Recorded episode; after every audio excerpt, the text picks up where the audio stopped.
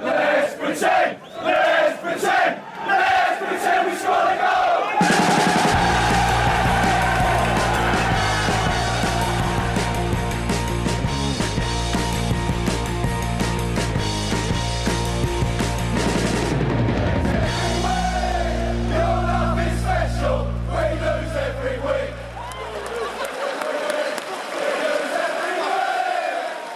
Sportbladets Premier League-podd. Det är eh, tisdag förmiddag. Vi har samlats här vid våra eh, hemmakontor, Makoto och eh, Frida. Ni finns med mig. Hallå, hallå. Hallå? Hallå, hallå. Hallå, hallå. Eh, Makoto kliver in här igen då i Premier League-podden som ersättare för Kalle Karlsson. Om ni undrar vart eh, han är så är han någon annanstans. Eh. FA-cupen hörni. Eh, det, det finns the magic of the cup. Den Jag vet inte hur lever. mycket, hur, hur mycket Magic of the Cup som ni upplevde i, eh, i helgen, men visst fick vi i alla fall lite grann från Marine Tottenham, alltså division 8-laget, eh, som ställdes mot eh, eh, min bästa bild därifrån var, var Gareth Bales min när han byts in i 64 minuten eh, borta mot Marine. Eh, det, det fanns, det, det fanns något, något absurt över, över det. Eh, Frida, jag vet att du, det kliar i hela kroppen. att få prata om den här matchen. Så att jag tänker, the stage is yours. Oh, jag har ju så många, så många minnesvärda bilder från den här matchen. Alltså dels det med Bale, också när eh, Dele Alli råkar snubbla, jag vet inte om ni såg det, och hela bänken med Son och Bale och Reguljon hånskrattar åt honom. Och alla människor runt omkring arenan som stod och drack prosecco samtidigt som de kollade på matchen.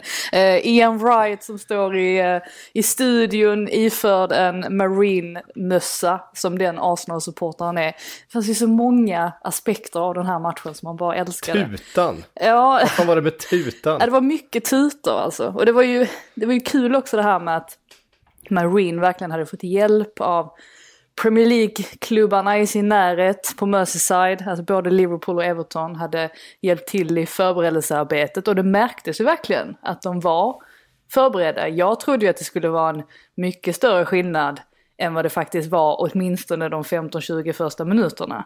De får ju en väldigt bra start både taktiskt och mentalt och lyckades ju förhindra att Spurs kom upp i tempo där inledningsvis. Så jag menar Kengis avslut i ribban också som Joe Hart helt oförklarligt släpper förbi sig. Hade den gått in så hade ju kanske Spurs blivit lite mer stressade då. Nu visar man ju sin kvalitet väldigt tidigt, främst genom Dele Alli som tycker jag är en väldigt, väldigt bra match rakt igenom. Han tar verkligen matchen på allvar framförallt, någonting som man inte alltid ser hos Premier League-spelare som möter den här typen av motstånd. Carlos Vinicius förstås som står för ett hattrick. Det blev ju en, till slut en transportsträcka mot segern och Alfred Divine får komma in och göra mål och bli yngst genom alla tider. Alltså för, för mig är ju FA-cupen något av det finaste vi har inom fotbollen. Och jag kan knappt med ord beskriva hur mycket jag älskar den. Och hur fantastiskt det är att se lag som Marine, Crawley, Shawley. Alltså det är som att allt snobberi och elitism kring fotbollen bara fejdar bort. Och kvar är själva essensen som består av unga spelare som får göra debut och mål. Som i Divines och Louis Barrys fall. Känslosamma postmatch interviews. Där min favorit nog ändå är Nicolas Cerulas i hård konkurrens med Barrys. Och till och med Lucas utstrålade en sån genuin glädje i sin intervju efter matchen. Som man inte får se lika ofta i Premier League. Så jag förstår att det bästa kanske hade varit att skrota FA-cupen den här säsongen. Men personligen känner jag verkligen att den här helgen har tänt nytt liv i min passion för fotboll. Och det här behövdes med tanke på tomma läktare och inställda matcher och allt annat elände. Det var ett, ett, ett väldigt starkt ljus, i alla fall i mitt mörker. Vad fint. Eh, jag, Alltså, har jag vet inte mitt ska ljus nu. Mitt ljus vad jag nu har också. väntat, vad jag har väntat länge på att få säga det här. Nästan lite tårögd nu när, jag tänker på allting. Åh, ja, det är fint. Det, fin- det ligger något i det där liksom vackra du säger också. Alltså jag minns, eh, ni minns den här tredje målvakten, jag minns inte vilket lag det var för som käkade pajer och sånt som vart en historia. Men det visade sig att han var typ sponsrad av ett bettingbolag. Ja. Eh, man, man vart ju så något sorts ledsen att har de till och med liksom kommersialismen nått liksom gräsrotsnivån av FA-cupen. Och sen ser man den här matchen från Marine. Och så blir man på något sätt påmind, nej det har den inte. Att det, det finns något otroligt vackert över det tycker jag också. Jag, vet, jag funderar på den där, det var ju någon som hade lagt upp någon bild om man hade fotat Gareth Bale från sitt köksfönster. Mm. Och det, det, det ska ju sägas också att alltså de, eh, det finns ju väldigt många, särskilt av de gamla arenorna här i England, som liksom är byggda mitt i själva samhället. Och de är ju de absolut finaste. Det är det är det som är trist när man bygger nytt idag, för då, då bygger man ju såklart oftast lite längre ut och det får gärna vara lite öppet runt omkring. Men som i det fallet, eh, Rosset Park där Marine spelar, det är ju verkligen den här urtypen av brittiska fotbollsarenor. Så otroligt vackert. Och kul också att för en gångs skull så finns det en, för, alltså en rejäl fördel med att ha ett fönster som vetter ut mot en arena med tanke på att man, inte man inte fick ta in eh, publik och sådär. Otroligt, otroligt fint att se. Tur det inte är Nacka-folk som bor där, eh, tänker på Bovallen, då hade de överklagat. Ja, Jag det tänkte är precis säga, var du emot. Nacka-folk? Sitter, sitter jag här med Nacka på postort och funderar. Ja, jag tänkte på den där tutan. Jag, jag tyckte det var, alltså de har uppenbarligen bestämt sig att varje gång Spurs anfaller, eh, kommer till sista tredjedelen så ska vi tuta den här tutan. Det var ju bara det att 90% av matchen spelades på, på den sista tredjedelen. Eh, ja. Ja. Men låt, låt dem göra det. ja, ja, herregud. Tuta på. ja. Eh, nej, men det var, och det är klart att det, det, det, det är klart att Spurs vann. Även att det tog, det tog, vad tog det, en halvtimme innan första målet trillade in? Ja, nej men precis. Men som sagt, där ser man ju, deras problem under de första minuterna, det var ju faktiskt att Marine trots allt var så för, väl förberedda som de var. Och att de då sjönk ner lite i tempo. Men som sagt, jag tycker ju att framförallt Dele Alli kliver fram i den här matchen. Och är precis så bra som man måste vara för att slå egentligen vilket lag som helst i den här kuppen för att annars sker ju de här skrällarna. Ehm, Och efter det, eller när, eftersom att de tar vara på sina chanser och Carlos Vinicius lyckas tråckla in några bollar där, då, då blir det ju ehm, som det blir. Alltså då, då är det ju väldigt tungt för Marine att gå ut i den andra halvleken. Men jag tror att de är säkert väldigt nöjda med sin insats ändå. Eh, det var inte det att det såg fruktansvärt ut eh, på något vis, utan de gick ut och gjorde det de, de skulle. Men de skulle ju såklart inte ha någon chans överhuvudtaget mot ett lag som. Tottenham. ju, Så att, eh, all heder till dem. Nej, det var fint. Och det är just att det är lag från ja, den åttonde divisionen. Det är ju ganska sällan vi ser. Ja, Eh, Det här, hade ju, det här hade, hade de vunnit mot Tottenham så här, hade ju utan tvekan varit den största skrällen i FA-cupens historia. Så, så Ja. pass ovanligt är det ju. Ja. Ehm, ett annat lag som klev in eh, till match med, med lite sämre förutsättningar än sina motståndare. Det var faktiskt Aston Villa, även om det inte skiljer så mycket i, i, i tabellen mellan, mellan Liverpool och, och Aston Villa så eh, sitter ju då Villas A-lag i karantän.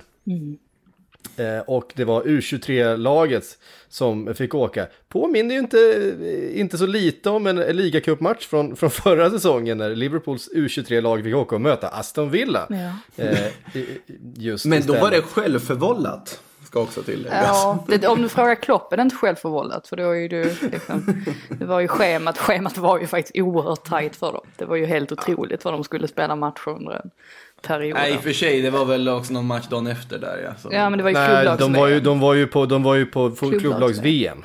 Eh, Ah, hela hela. A-truppen var iväg på klubblags-VM och då la de en, en ligacupmatch sa- samma dag. Eh, så att eh, det var lite svårt att, att reda ut. Ja, Men eh, ehm, det var ändå ett... Eh, och det är så här, även om det eh, såklart blev eh, seger för Liverpool, eh, liksom så här 29-2 i skott, 84-16 i, i, i bollinnehav och så vidare, så är det ju det där stunden när Louis Barry gör 1-1 i den första, 41 minuten som man tar med sig härifrån. och, vilket, Eh, och, hans- vilket, och vilket mål! Alltså det Ja, var ju ett ett fanta- fint fantastiskt mål. Eh, jättefint mål och, ehm, och hans intervju efteråt och det är ju precis allt som du, du var inne på där med, eh, med kuppens magi. Fick man ju i de sekunderna plus intervjun efteråt. Men bara hans tårar när han firar det här, det här målet. Ja. Det var en kul, eh, kul notis också, eller vad man säger. Att de sa det att de hade aldrig haft så många föräldrar som släppte av sina barn vid arenan inför en match tidigare. Det, det sa ganska mycket om hur de hade fått klippa och klistra för att få ihop, för att få ihop ett lagens. Eh, men det är som du säger, att det var ju roligt också det här med att han han bytte tröja med Fabinho och sen så kom han ju på att men gud jag vill kanske ha den här tröjan eftersom att det var, alltså den betyder ju rätt mycket. Mål, ja precis, liksom. så han fick springa fram till Fabinho och rycka åt sig det. Men han fick behålla Fabinhos tröja i alla fall så han gick eh, vinnande ja. ur matchen på många sätt. Mm. Um, Klopp hyllade ju också Louis Barry som ju var väldigt bra. Det där är ju en kille som, som uh, har en enorm potential. Eh, är det, är det, vad var det han kallade honom? Det ser ut som Jamie Vardy spelar. ja, och han, han har ju rätt i det. Jag tycker dessutom att Callum Miles Rose eh, pass fram till honom är ju också väldigt, väldigt fin. Eh, som, eh, ja, liksom bara smiter förbi allt och alla och sen hur hur Barry är så himla stark också mot Reese Williams och bara sprintar ifrån. Eh, ganska enkelt ändå. Han är inte snabb Reese Williams. Nej, det, det, det är han inte. Det är ganska farligt att stå högt med backlinjen om man eh, eh, ja, alltså med en sån som Reese Williams har vi sett ganska många mm. gånger nu eh, när han har spelat. Ja. Men det är ju sen när Liverpool byter in Thiago och Shakiri framförallt och börjar spela lite rakare istället för att dutta ut de här bollarna på kanterna. Då ser man ju, då kommer ju klasskillnaden direkt. Men eh, som sagt, jag tror nog att Villa, eh, alltså i allt detta så får man ändå vara, vara nöjd och glad på något sätt åt det lilla. De visste ju om att det skulle bli förlust här, allt annat vore ju en fullständig sensation. Ja. Lite, lite kul att notera att eh, Winston Bogardes syskonson spelade i Aston Villa tyckte jag också. Eh, det var länge sedan man hörde det namnet. Men eh, någonting man tänkte var också att det liksom supporterstöd Villa fick för den här matchen, liksom just på att det var det här reservlaget. Det är någonting vackert varje gång det blir ett så här krislag som man ska skicka ut på en plan. Jag tänker på norska nödlandslaget som vi spelade mot Österrike där i Nations League som alla samlades kring och även som Liverpool då när man hade den här ligacupmatchen där man skickade då Chiriveja och gänget.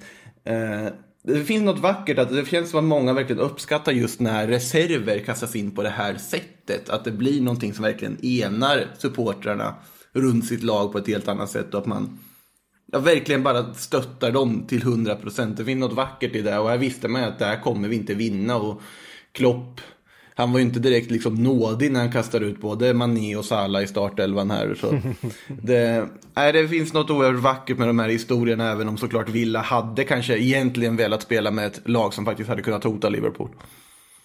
Såklart. Eh, och ingen skräll i den matchen och väldigt få skrällar ändå får man säga den här omgången. Det, brukar ju, det här är ju annars en sån helg som brukar bjuda på, på några stycken. Men vi fick en. Vi fick en rejäl. Crawley Town 3 mot mm. Leeds Uniteds 0. eh, det var... Eh, Hur gick det till? Ja, det blev ju, blev, ju, blev ju pinsamt. Alltså de bytte in Mark Wright. ja, alltså det, det var ju, där hajade man till. Ja, Om man alltså följer var... äh, engelsk reality, äh, ja, reality-serier, eller vad man säger. Precis. Uh, ja, jag kanske jag, jag bara fortsätter då. Uh, ja, du får fortsätta. ja, man får, du kanske får förklara vem Mark Wright är då. Ja, han var väl med i The Only Ways Essex. Um, Exakt bland annat. Eh, poppar upp på tv här borta lite, lite frekvent. De eh, hävdar ju bestämt ändå att det absolut inte var ett PR-trick som eh, många eh, tänkte att det kanske var. Eh, utan det ska ha varit ett legit byte helt enkelt. Men ehm, ja, alltså vad ska man börja egentligen? Alltså egentligen kan man ju börja vid Bielsas startelva, för det är ju ett hyfsat starkt lag ändå som han mönstrar. Och sen står det ju 0-0 i paus.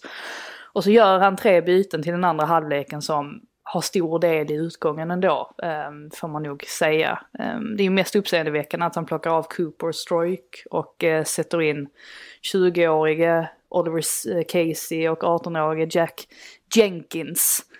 Um, så det visar väl att hans tankar är, alltså, de är helt på Premier League egentligen. Annars skulle han nog inte gjort de bytena. De var säkert alltså, bestämda på förhand. Och Crawley gör å sin sida en väldigt bra match. Ehm, um, Sarula där som jag nämnde tidigare också som öppnar målskjutet, vad är det, i 50 minuten. Eh, det är en väldigt fin individuell prestation. Sen kan man ju argumentera för att Kikasia ska göra det bättre.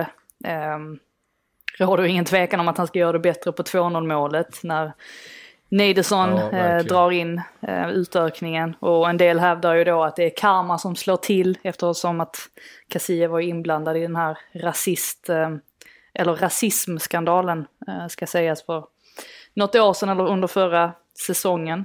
Ehm, och sen så ja, fortsätter eländet för Leeds och Tony Cliff fastställer slutresultatet helt välför, välförtjänt egentligen. Och de möter ju Bournemouth här i nästa runda, såg jag efter lottningen. Och det är ju visserligen alltså, väldigt tufft motstånd.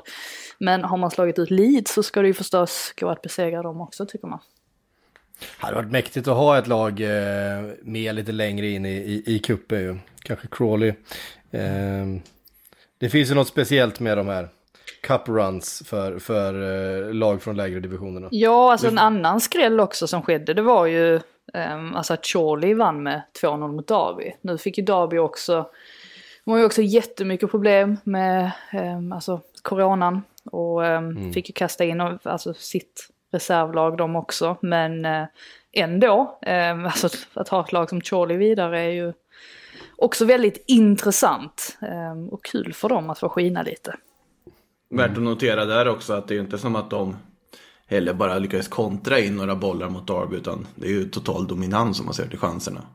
Det- Ja, precis. Sen, sen har, finns det som sagt förklaringen i alltså vilket lag som, som Derby mönstrade. Och det är ju ingen som kan påstå heller att Derby har haft en särskilt lyckad säsong överhuvudtaget. De har haft sina problem. Nu har väl Rooney ändå fått alltså, lite ordning på dem. Men eh, det är ju fortfarande mer att önska. Så det var ju perfekt, eh, perfekt timing för Charlies del. Men som sagt, det är ju väldigt kul att ha dem vidare.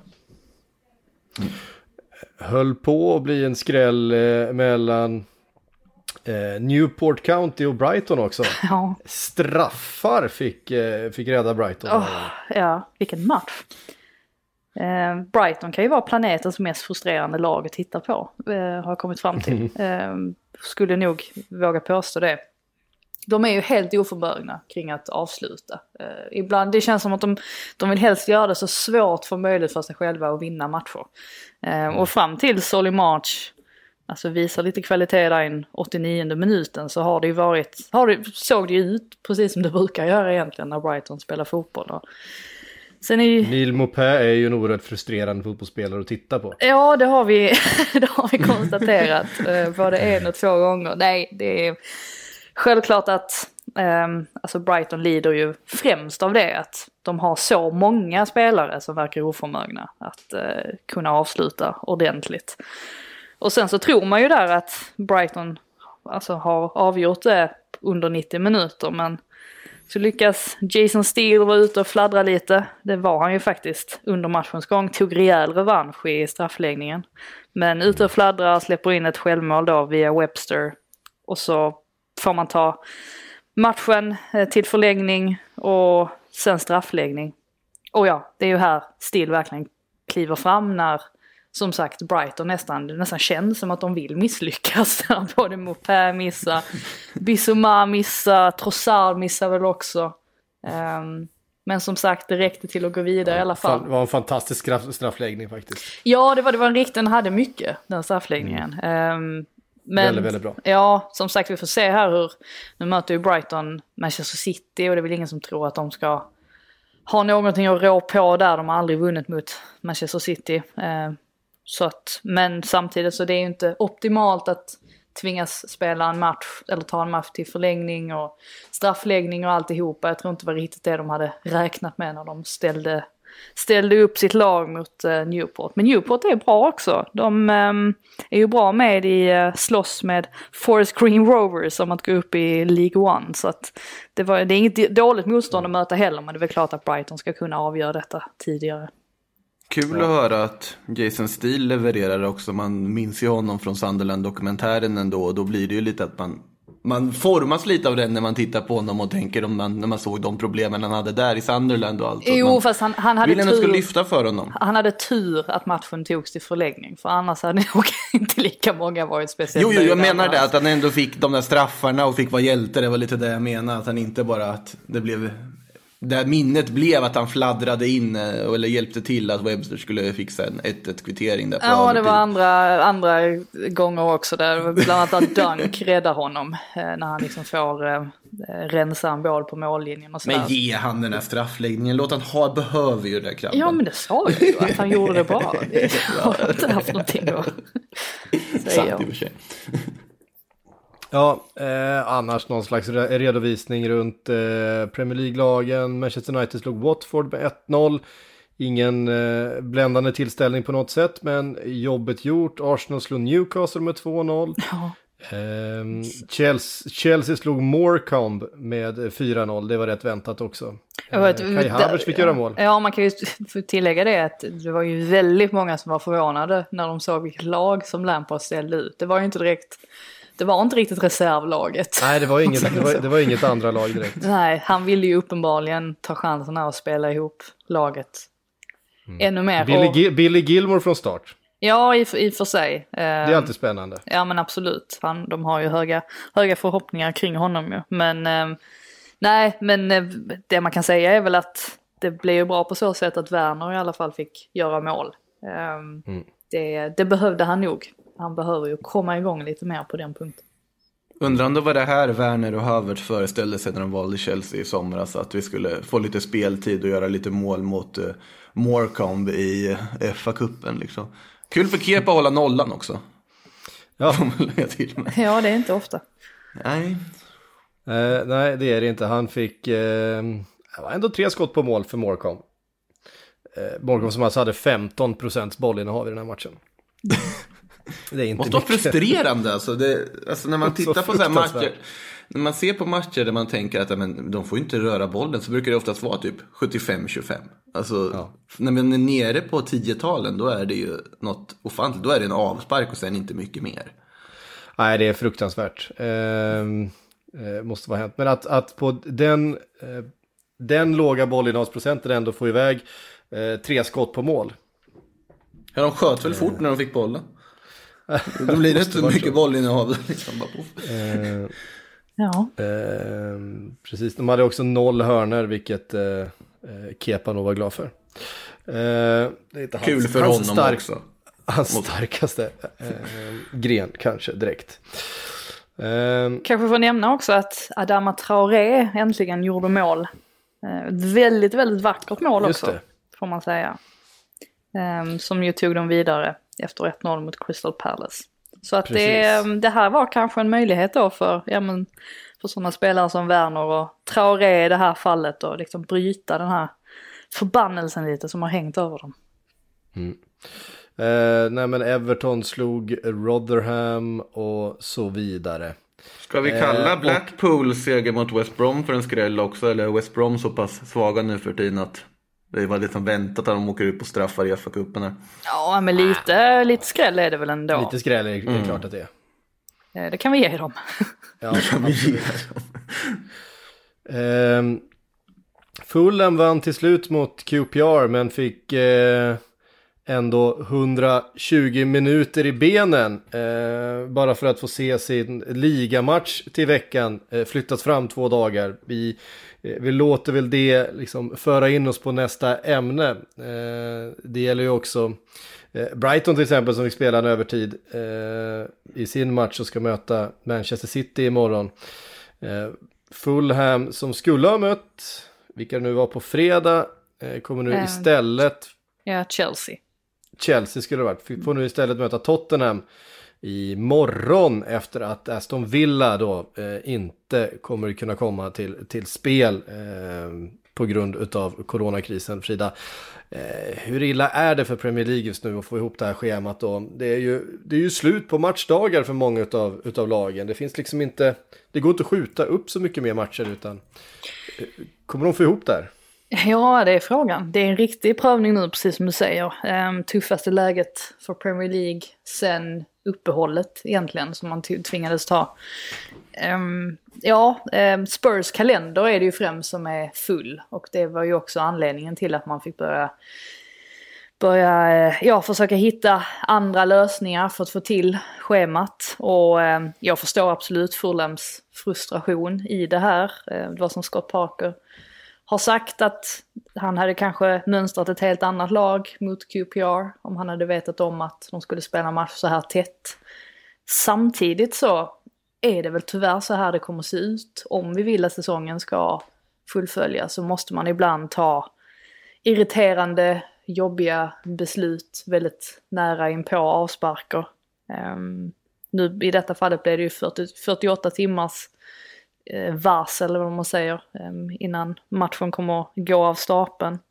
Och ja, alltså så länge, så länge vissa klubbar inte favoriseras över andra, och då syftar jag givetvis på att man inte särbehandlar storklubbarna gentemot de andra klubbarna i Premier League etc. Då tycker jag att det är ganska rimligt ändå att det får bli så här, att det blir beslut väldigt tätt inpå. Ehm, jag har full förståelse för att man har inte befunnit sig i den här typen av situation tidigare. Eh, det är klart att man skulle kanske ha varit lite bättre förberedd. Möjligt att man skulle ha skrotat FA-cupen exempelvis, eller i alla fall ligacupen. Och bli av med det. Samtidigt så, det är ju, alla försöker ju bara göra så gott de kan. Alla vill spela färdigt säsongen. Förutom Steve Bruce och Sam Allardyce som är väl de enda managersna som har flaggat för att de vill pausa. Och det kan man väl får ha respekt för att de är ju en helt annan ålder eh, än många andra. Ja, Roy Hodgson slår ju ingen, men de är ju trots allt, ja, där och nosar på att vara i en riskgrupp. Men eh, det var som Nuno sa också, jag tyckte att han hade en, en intressant take på det hela. Och menade på att om, eh, om säsongen sätts på paus nu så kommer inte säsongen kunna fullbordas. Vilket då i hans, alltså han, enligt honom så riskerar det då att bli så att man kanske introducerar en sån här eh, Super League istället så småningom. Att det blir en chans för den typen av större och mäktigare ligor att växa fram och det vill inte Nuno. Så att, um, ja, det, det, det, är ju såklart, alltså det var ju, han bara spekulerar givetvis, men det ligger ju någonting i det kanske. Så att vill vi fullfölja säsongen, då måste det nog tyvärr bli så här. Eh, beslut med väldigt kort varsel. Även om jag förstår Fulhams frustration. Alltså i, i det här fallet där vi sitter så förstås håller jag med dig helt Frida att liksom det, det kommer att bli så här ibland och det kommer inte vara så lätt för alla. Men alltså samtidigt när man ser så här en Fulham få en match som de inte visste om mitt i veckan plötsligt, det är ju rena rama La Liga-fasonerna. Och då blir man ändå så fascinerad över hur man i Spanien kan göra det här när det inte är corona. på det här ja, sättet. Nej, det, det, det, är liksom det jag sitter och tänker när jag liksom ser Och sen tycker jag att alltså, man får ta det i beräkningen också att Premier League har ändå klarat sig ganska bra. Alltså om man ser till alltså, hur de har hanterat den här pandemin. Så har du ju sett, om man ska jämföra fall och sådär i, i andra ligor så ligger de ju väldigt bra till. Så det visar ju att rätt många, det är ju rätt många saker som har hanterats väl av just eh, Premier League-restriktionerna kring matcherna och, och eh, träning och, och, allt sånt där. Sen finns ju vissa saker som man är orolig för nu och det är bland annat det här att det är en del spelare som bryter mot restriktionerna. Vi såg ju till exempel att Esse befann sig på läktaren när QPR eh, mötte Fulham här till exempel. Och eh, det är ju någonting som, han hade inte ens munskydd på sig. Uh, och helt oförklarligt, varför skulle han... Det, är så dumt. Alltså det, och det har ju både Crystal Palace varit ute och sagt också att de visste inte om detta alls. Och ehm, QPR har också tagit på sig en del av skulden och sagt att de borde inte ha bjudit in honom. Det är där, ja, de bjöd in ligger, honom. ja, nej, men där ligger, han har ju spelat där tidigare. Där jo, ligger precis. ju oron att att eh, regeringen ska få för sig nu, för att de har ju, det här har ju varit på tal också i regeringen att fotbollen har ju just nu, de, de tillhör ju en, ett undantag, ett väldigt stort undantag. Det här är att de får fortsätta arbeta och leva som vanligt i princip. Och eh, ska de fortsätta ha det undantaget, då måste de se till att följa restriktionerna. Så det, det är väldigt mycket det är mycket i det här också. Men jag tror väl att de här lite fler testresultaten som har varit positiva nu, det är väl resultatet av att vi precis har haft en julhelg. exempelvis. Så förhoppningsvis så kommer man få bukt på det om några veckor igen. Eh, efter att, ja, eh, de spelarna som har varit smittade har isolerats färdigt och så vidare. Men det är ju en, det är en prekär situation. Det är, det är såklart att det är det. Det finns inte så mycket mer att, att säga än så. Ja, nej, det, och det är ju... Eh, alltså det är klart att när pandemin smitt, eller smittar, den, den drabbar på fler sätt än, eh, än man kanske tänker på. Vi har ju ganska mycket spelare faktiskt som har haft covid och som faktiskt har slitit med, med eh, symptom som inte går över fast de har spelat och fast de är friska och så vidare. Eh, Paul Pogba är ju en, en sån. Ja, Sam Maximan. Mm. Kai Sam. Havertz. Ja. Eh, ja, Trent Alexander-Arnold också eh, tyckte jag såg. Ehm, det var ju aldrig, det var, det var ju aldrig bekräftat tror jag från klubben där i början när han var eh, vadskadad. Men han, han var tydligen också sjuk i, i, i Ja, corona de får ju inte lov att berätta vilka som är smittade eh, enligt regelverket. Så att det är därför då måste spelarna själv vilja gå ut med det. Så att det är anledningen till att vi kanske inte alltid förstår varför vissa spelare är borta och sådär. Eh, men vi kan i alla fall misstänka då att det är covid det handlar om. Och sen är det ju svårt, det slår ju så himla olika på eh, olika personer. Så därför är det ju svårt också, precis som du säger, att veta exakt hur mycket en spelare har lidit av det. Där har man Det ju var- märkt ofta liksom inom just, alltså med idrottsmän och så att man tänker, ja men de är i ung ålder, de är inte i riskgrupp, det, det liksom, ja de liksom blir smittade så är det inte så farligt liksom i längden. Men det är många som liksom rent idrottsmässigt väldigt tydligt liksom har svårt att komma tillbaka. Jag tänker om man jämför med skidåkningen. När vi har liksom folk som Charlotte Kalla och kämpar tillbaka, Ustjugov i, i Ryssland som fortfarande inte kommer tillbaka sen han var liksom sjuk i oktober. Nej, det är ju faktiskt tvärtom. Alltså, de som är så extremt tränade som Mm. med längdskidåkare, men som också faktiskt fotbollsspelarna är nu för tiden. Ja. Eh, De är ju mer mottagliga. ehm, Det blir en effekt på att de sitter hemma liksom och inte kan göra någonting också. Att de, Ja, men de är också mer mottagliga för, för infektionen. Eh, Så de, de har kroppar som är, är liksom på något sätt pressade till, till det yttersta redan i, ehm, i hur hårt de tränar och eh, liksom vart de befinner sig. Att de, det, eh, men längdskidåkarna de de är ju konstant eh, förkylda, liksom är väldigt mottagliga för, för infektion. Och det, eh, det är ju samma sak med eh, alla elit eh, idrottsmän.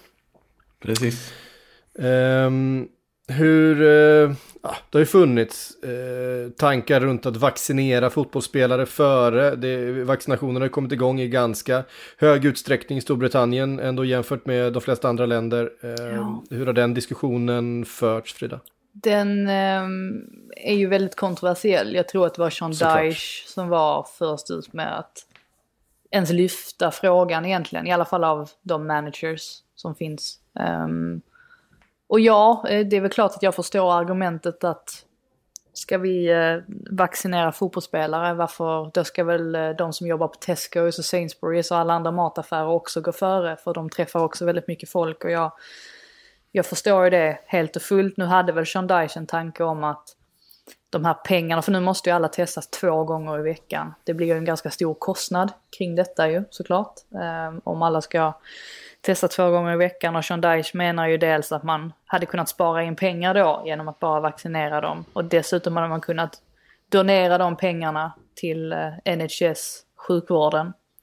Ehm, så att ja, egentligen, alltså jag tycker det är svårt och det, är- man blir ju lite biased också för att det är väl klart att jag som älskar fotboll och vill att fotbollen ska fortsätta och att säsongen ska kunna spelas färdigt. Jag tycker liksom, ja men ge dem vaccin då. Samtidigt som jag har ju full respekt för att det finns andra människor som är i större eh, farozon än de här fotbollsspelarna också som är, ett, är i stort behov av det. Så att det är en jättesvår fråga. Vi får väl bara hoppas att precis som du säger så har de ju vaccinerat här sen i början av december ungefär. Så att till slut så kommer det ju komma till fotbollsspelarna också. Jag tror att det är väl i alla fall beräknat att alltså i sommar någonstans så kommer större delen av befolkningen vara vaccinerade. Så att förr eller senare så kommer man ju fram till det. Men eh, ja, jag förstår båda sidor men det är ju jättesvårt egentligen att komma fram till vad som är rätt beslut. Um, ja, för alla. Spon spontant känns det ju som någonting som en diskussion som sannolikt borde och ska komma upp kanske runt våren. Men kanske lite tidigt än sett till liksom all, alla på äldreboenden, sjukvårdspersonal, liksom frontline. Eh, att det finns eller andra som för samhällets skull behöver det mer än spelarna just nu. Men i något läge så ska ju alla få det också. Och då är det väl högst aktuellt att ta upp diskussionen och ska vara ett vaccinkrav för att faktiskt få, för alla spelare i Premier League också. Mm.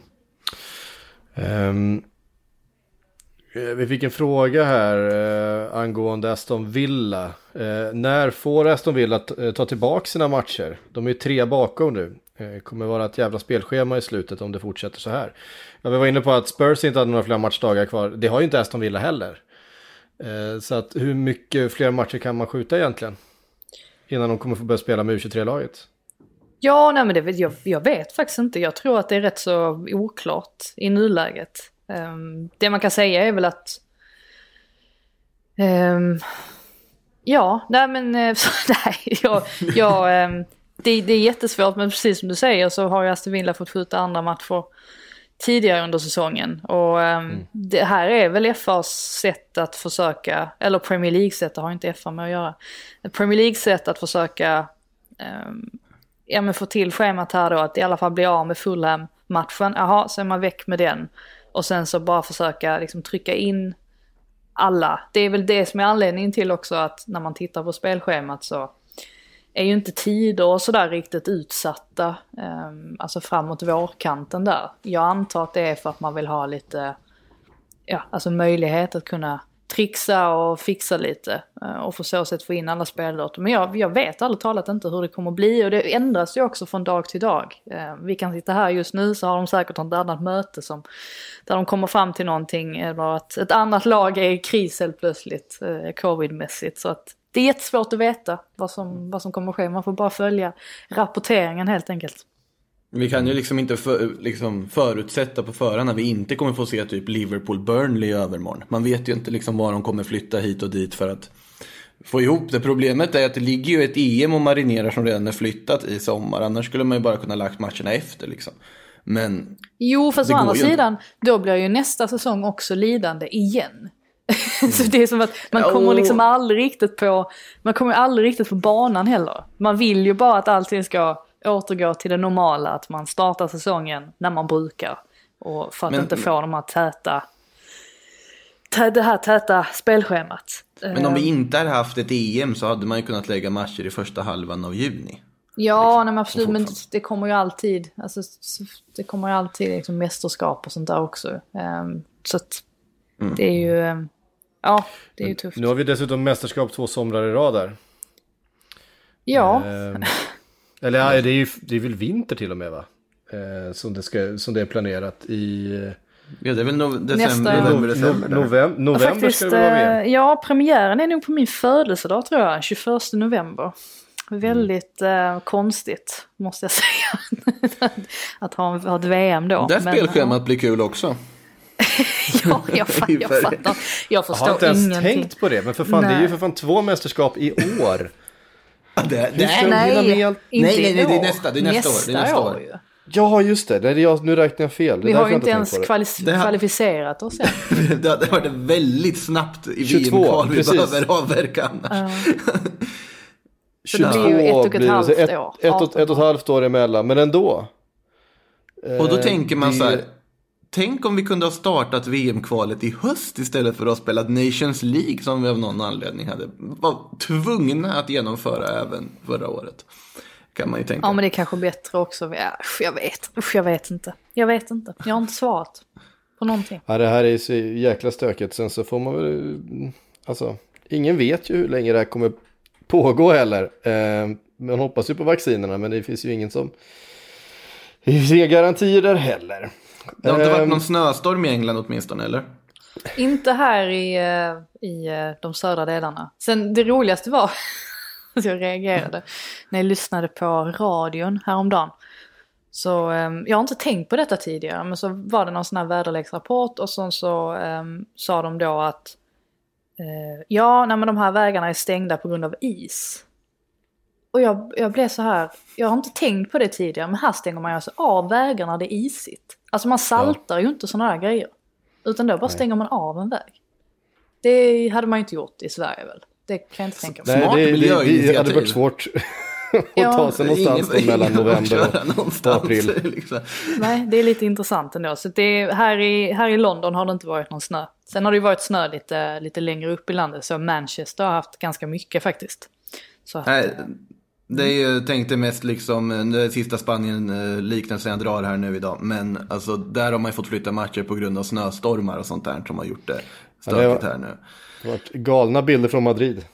Ja, Ja. det höll ju på. Alltså Arsenals match där mot West Brom var ju ganska snöig. Men det ska rätt Det mycket den. till för att man ska ställa in en match på grund av alltså, den typen av förhållanden. Ja men Det- i England har man ju den gamla orangea bollen och gamla vad heter, tipslördag-tiden. Så Jag minns såg, man ju ändå. jag såg dock att uh, Forest Green fick en match, um, um, alltså inte inställd, men de blåste av den efter ett tag eftersom att det var för, för tung dimma. Det känns också väldigt Jaha. engelskt på något sätt att det är tung dimma där uppe i Gloucestershire. Ja, Ehm, men vi svävade ut nu. ja, men det, det, det gör absolut ingenting. Jag tänkte vi skulle avsätta lite mer tid då eftersom det inte har spelats någon Premier League-omgång utan bara eh, FA-cupen eh, under helgen. Avsätta lite mer tid för frågor. Eh, jag har fått så otroligt mycket frågor från olika Manchester United-supportrar som vill att vi ska prata om det här dubbelmötet mellan Liverpool och United. Ja. Eh, och jag tror att det beror på att de, de, de känner att det finns en... Eh, Eh, det finns ett visst självförtroende hos eh, United-supportrarna inför det här dubbelmötet. Första då på söndag och Rätt. sen så är det FA-cupen veckan efter. Men jag tycker att man har, Rättfärdigt. alltså det, en sak man har lagt märke till nu de senaste veckorna, det är ju dels att visst, José Mourinho har ju dragit lite pikar mot United, eh, alltså under en ganska lång tid. Men dels att Mourinho drog upp det här igen med deras straffar. Eh, eller i alla fall att Fernandes har gjort mål på så många straffar nu för inte allt för länge sedan. Och dessutom att Jürgen Klopp drog upp det också. Det, det får ju en att tänka att helt plötsligt är ju Manchester United relevant igen på ett sätt som det ändå var ganska länge sedan de var. Det nu märks det att de är med där uppe i tabelltoppen igen. Så jag tycker att de ska verkligen ta de här uttalandena från Klopp och Mourinho med, eh, det, det ska öka deras självförtroende helt enkelt. För att det, det innebär ju att de faktiskt bryr sig om dem och att de har ett öga på dem helt enkelt kring eh, var de ligger i tabellen. En gång i tiden hade vi Fergie Time, nu har vi Ole Kick istället. Ole-kick. Ja, jag vet, det, var, det, var, det var spontant påkommet, finns säkert något bättre ord att beskriva. Du menar som straffspark? Ole-straffen för. Men, men har egentligen United fått så mycket straffar den här säsongen? Förra säsongen var det ju eh, väldigt mycket, men den här tror jag inte att de har eh, levt på straffar på det sättet. Nej, jag Men det tror väl inte det, man kan väl tänka sig att det ja. ha- hade att göra med till exempel den straffen som Pogba fick med sig. Som var lite kontroversiell på så sätt att det verkar som att det är 50-50. En del hävdar att det absolut är straff, andra hävdar att kontakten är alldeles för liten. Med Douglas Luiz var det väl som var på. Ehm, det är väl egentligen, alltså den här säsongen är det mycket vilken typ av straffar som man har tilldelats. Antar jag. Det är, Ett det är klart, det har- det ju inte blivit narrativ. statistik. Så är det ju. Man har ju ändrat bedömningar mitt i säsong och sådana här saker ju. Eh, som har gjort att vissa saker blev straff i början på säsongen, blev inte straff nu. Ehm, jag tänker ju bittert tillbaks på förra veckan när Liverpool skulle haft hands på, vem var det nu som tog, blockade ett skott där med handen. ja, Ehm, det hade ju varit en given straff i början på säsongen. Nu blev det inte straff. Ehm, så Nej. man har ändrat lite i bedömningarna. Och sen hade de ju velat ha straff, vad är det? Det är ju en situation där med Mané också väl, i den andra Ja. halvleken som var misstänkt. Absolut. Men där satt alltså Carragher i studion efter matchen och, och hävdade bestämt att det inte var straff. Och att det var rätt att, eh, att inte blåsa. Och menade på att, gud vem är? Ja, Walker Peters var det va, som gick in på Mané. Att Walker det. Peters inte går in han går inte in mot Mané, alltså vad säger man, diagonalt. Utan han är väldigt rak när han sätter fram sitt ben. Vilket då enligt Carragher, det, det kunde man inte se i vinkeln bakifrån men man såg det i vinkeln framifrån. Och då menade Carragher att det är inte straff. Men eh, ja, det, det ger ju ändå lite när han sitter och säger det för man vet ju att, alltså, var han har sina klubbsympatier och sådär. Men eh, det är klart att eh, just den här hands ja, alltså Hansen i första halvlek. Där blev jag ändå lite förvånad att det inte blev straff. Även om jag, ja, förstår ju att de har ändrat regeln och sådär. Men det, det var ändå lite förvånande. Mm. Eh, vi, vi fortsätter med lite fler frågor. Vi har fått från, ehm, eh, ska vi se så jag kan läsa här, Bobolisto, står det så? Ja, jag kan inte läsa vad jag själv skriver. Eh, han skriver, Gabriel frisk igen, blir Marie petad ur första elvan och för Holding flyttas väl inte på.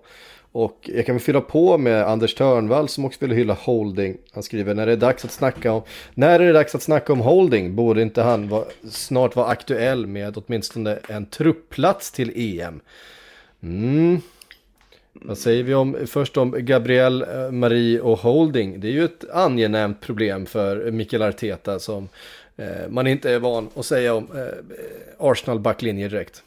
Nej, alltså jag tycker ju personligen att det är jättesvårt att peta Marie just nu.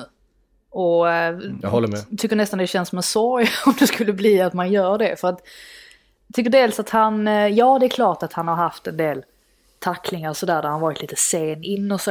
Jag tycker det finns någonting kring honom. Det finns en, en vilja och en kämparglöd på något sätt. Och han har blivit bättre också. Alltså ju längre... Jag tycker, det är precis som du säger, vinnarskalle. Det är väl Ja. precis det vi har eftersök, efterlyst hos Arsenal-spelare. Ja, men Någon precis. som- Exakt. Och man ser ju det att han har blivit bättre också. Um, alltså, han har ju inte spelat så många minuter egentligen när han fick eh, kliva in där då istället för Gabriel. Så jag tycker att man har sett att han successivt har, har förbättrat sig ehm, rent kvalitetsmässigt också. Så att jag tycker att det är ett jättesvårt val. Nu förlängde ju Rob Holding sitt kontrakt där också nyligen och kommer ju vara viktig för Arsenal. Nu är det ju Gabriel, Marie och han egentligen som slåss om de platserna tycker jag. Alltså sen har man ju David Luiz också men jag vet inte, nu har man ju ett ypperligt läge här att få lite stabilitet i alla fall på mittbackspositionerna. Så att jag är väldigt spänd på hur Arteta kommer göra egentligen. För att ja, Gabriel hade ju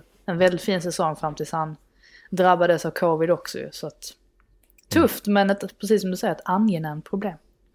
Spontant är det väl ett inte ändra ett vinnande koncept situation kan man tänka sig åtminstone till en början där. Alltså liksom med tanke på hur bra Marie och Holding fungerar tillsammans. Så att det är ju dumt att rucka på det även om Gabriel har varit bra i de matcher liksom han har spelat nu. Även om han är friskat. Jo, men nu var, det ju, med inte nu var det ju Louise senast här också. Så att, um, ihop med Marie. Så att det, han har ändå testat, testat runt lite. Men ja, som sagt jag är väldigt imponerad av Marie faktiskt. Vad säger vi om Holding då? Eh, en EM-trupp känns väl inte osannolikt?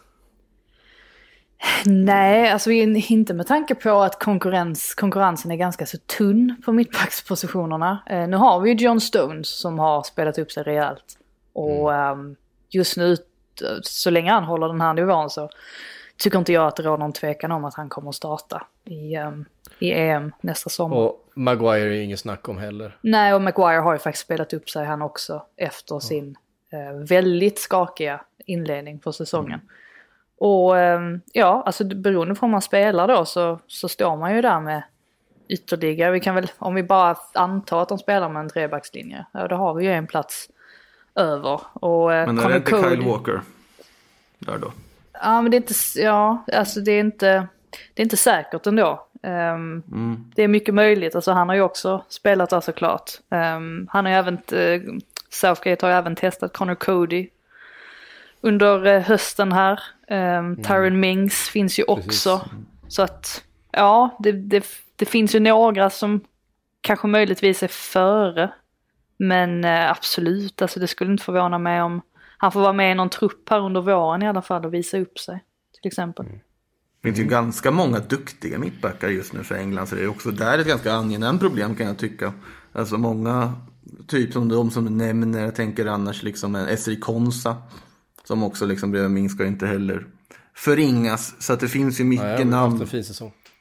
Mycket namn som är och liksom tampas om de där platserna. Så Holding måste nog få hålla sin liksom startplats här och få lite mer speltid om man ska vara aktuell för EM-truppen kan man ändå tänka sig. Sen ger det ju Ja. lite mer att leverera i Arsenal än vad det gör kanske att leverera i en mindre klubb sen, sen är det väl mer också att det, det är lite mer öppet på mittbackspositionerna än många, än många andra positioner i, eh, i England. Sen Exempelvis. tror jag väl eh, Joe Gomez kommer ju vara hel då.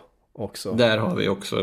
Eh, och då blir det ytterligare konkurrens där. Men det är frågan hur mycket han hinner spela under säsongen. Ja.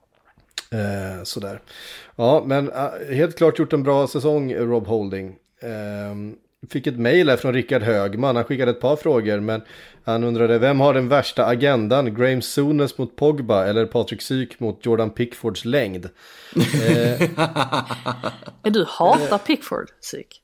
nej, jag, jag har inget emot eh, Jordan Pickford Men som däremot- så, men korta målvakter har, jag, har jag något emot.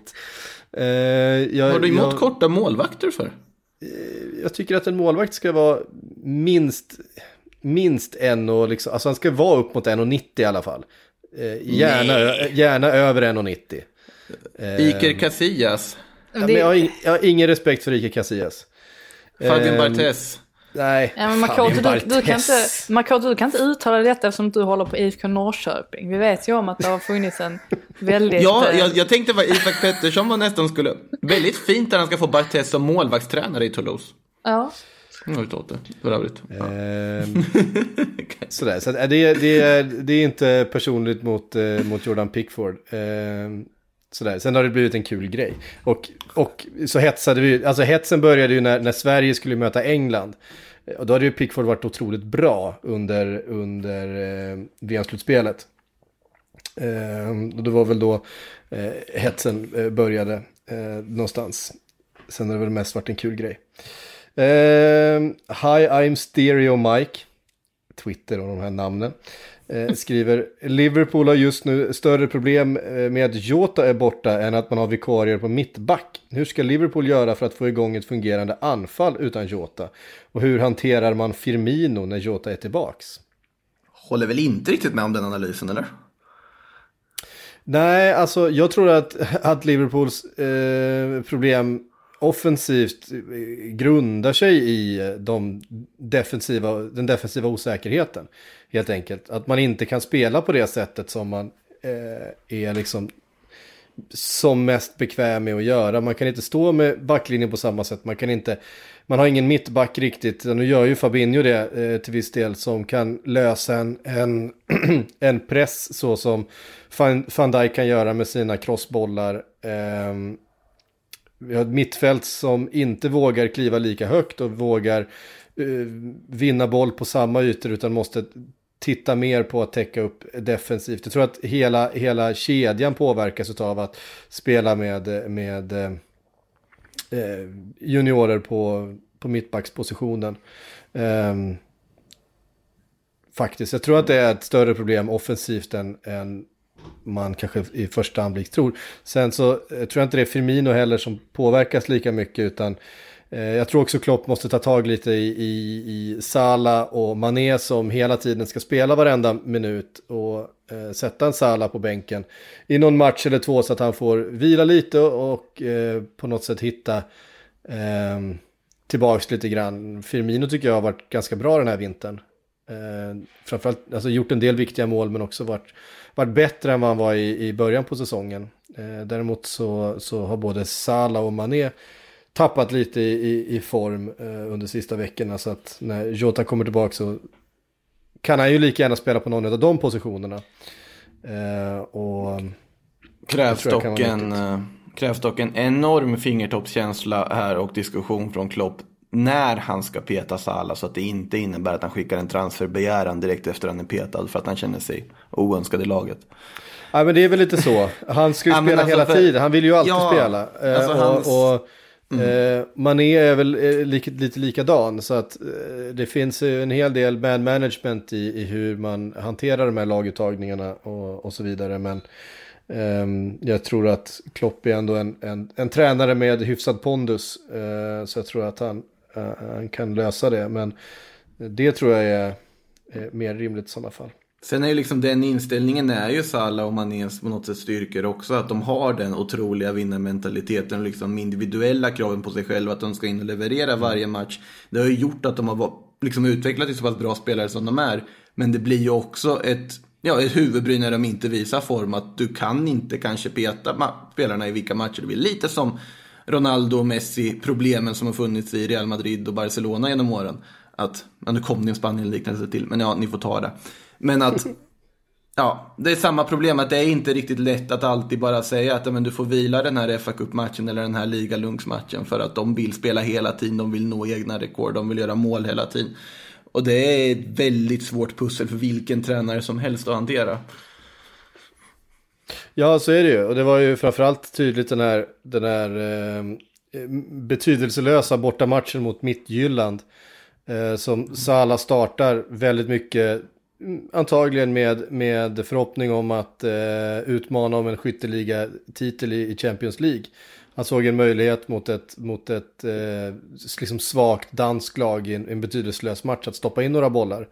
Mm. Eh, nu gjorde han inte det, istället så drog han kanske på sig en, en, en trötthet som har påverkat hans form lite grann över vintern.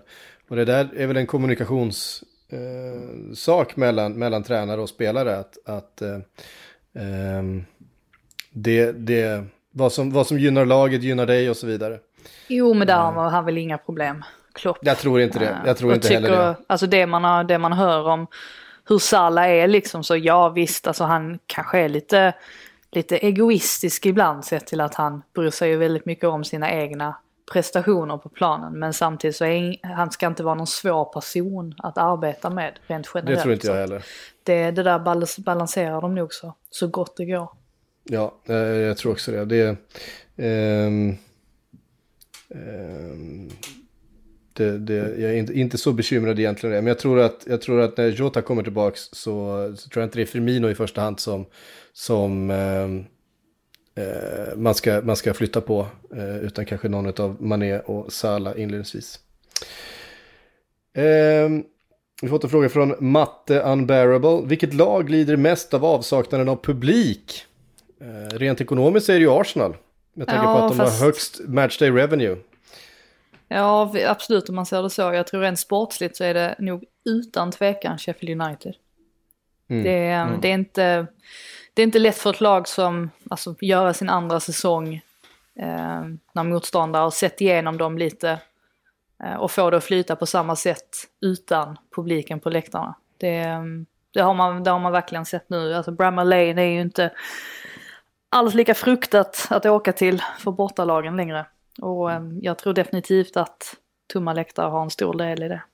Det där är intressant faktiskt. att det känns ju som att i Premier League så är det ju snarare bottenlagen som lider av publiklösheten för att de får sin tolfte spelare som kan hjälpa dem till att ta en oväntad poäng mot ett topplag på hemmaplan och dylikt som de inte har. Att de behöver den energi på, liksom pådrivandet om man tittar här hemma i Sverige så är det ju snarare topplagen som lider av det för att de inte får ha sina fullsatta läktare här i Stockholm eller Malmö eller Göteborg eller vad det nu är för någonting. Så att eh, det är intressant att det ändå skiljer sig att det är liksom Premier League så är det snarare de sämre lagen som får mest effekt av det vad det känns i alla fall medan man i mindre ligor kanske är de stora lagen. Eh, Mattias eh, skriver så här. Kör en hel sektion om Emil Smith Rowe och hans Özil-liknande inflytande på Arsenals spel. Jag betalar, skrev han. Nej, du behöver inte betala. Du kan få det alldeles gratis utav Frida här. ja, jag kan prata väldigt länge om Emil Smith Rowe. Jag kan ta ett helt extra avsnitt om honom. Eh, inte mig emot. Eh, nej, men han kommer in här igen mot Newcastle, och, eller kliver fram mot Newcastle och gör ju skillnad. Och um, det är väl klart, alltså, han hade tur där också får man ju säga att det är ju inte alla arenor som har VAR under FA-cupen. Det är ju bara Premier League-arenorna som det används på. Mm. Um, och han hade ju tur där att de spelade på The Emirates och ja, det hade ju inte spelat någon roll om det var på St. James' Park heller i och för sig. Men så att han inte åkte ut där efter sin eh, satsning där han fick rött kort först men som efter en titt på monitorn omvandlades till ett gult kort istället. För sen så spelar han ju den, den avgörande rollen där när han rullar in det där målet. Och eh, ja, alltså han har haft ett förvånande, alltså överraskande stort inflytande på hela Arsenals offensiv ihop då med alltså Bukayo Saka som konsekvent har varit väldigt bra genom hela säsongen. Och det är väl just det här också att det känns som att han, han eh, drar fram väldigt bra egenskaper och andra spelare också. Alltså Lacazette, jag vet att vi pratade om det förra veckan, men Lacazette mår verkligen bra av att spela av en spela med en spelare som är mer av en liksom, riktig tia. Man märker att han får ut mer av sitt spel då också. Så att, ja, det spelar återigen en, en väldigt stor roll och eh, det är ju rätt märkligt hur snabbt det kan gå också. Um, nu känns det ju som att Arsenal har en spelare där som som eh, nej men absolut inte ska, det ska ruckas på överhuvudtaget i startelvan. Och det trodde man ju kanske inte för två månader sedan. Eh, när Arsenal var mitt i en kris och vi inte riktigt hade fått sett Smith Rowe än. Mm. Eh, vad fint. Han är, han är eh, en av, av eh, som sagt flera eh, spännande spelare i Arsenal just nu. Det, det, har ju verkligen fungerat när Arteta har satsat ungt istället för eh, rutinerat. Ehm, det får helt enkelt avrunda veckans Sportbladets Premier League-podd. Innan eh. du slänger på så måste vi ju nämna här att Premier Manager vår 2021 drar igång ikväll. Just det. Om ni inte har fixat lag så gör det. Ja, ni kan eh, lyssna också på, på eh, den eh, Fantasy eh, Manager specialen som eh, Makoto och eh, Andreas Käck slängde ihop i fredags. Där vi också är förvirrade över spelscheman för övrigt. Det är alla som är förvirrade över spelscheman just nu. Men om ni går med, gå också med i Kalle Karlssons liga. Kalle kanske inte är med här i programmet idag, men han sitter säkert hemma och finslipar sitt lag här inför seriestart. Får ni chansen att slå Kalle Karlsson i Premier League Fantasy helt enkelt. Kalle Karlssons liga söker ni då på miniliga. Så in och fixa ett lag här nu innan deadline ikväll. Mm, jag måste göra det, jag har inte gjort det än. Man får ju Nej, säga, det, det var ju till dig jag sa det här. Ja, alltså man får ju säga att det blir svårare nu också när eh, matcher byts ut och sådär. Det är ju helt omöjligt. Ja. Känner jag liksom. Det passar mig. Jag är så dålig på sånt här så att eh, jag, vill, jag, vill ha, jag vill ha så lite förutsägbarhet som möjligt, så mycket slump. Liverpool min, står över första omgången, Syk, bara så du vet. Ja, då blir det ju kört eftersom jag, eftersom jag kommer ha tre Liverpool-spelare i laget. du kan ju ta in dem nästa runda. Ja, då åker man på massa minus och så vidare. Ja, fan, det är svårt. Jag, jag, jag är värdelös på sånt här. Men eh, ni kan ju hålla utkik också efter den podden, för den kommer komma ut i en helt egen eh, kanal. Och det kommer poddas om, om manager och fantasy framöver, eller hur Makoto? Ja, det är planen i alla fall. Så ja. att uh, det, det kommer när det dyker Ni märker, om inte annat. Men ni, ni men in och fixa ett lag, börja där. Mm, precis. Hörrni, tusen tack för att ni har lyssnat. Tusen tack Frida och Makoto för att ni var med idag. Vi är tillbaka om en vecka igen.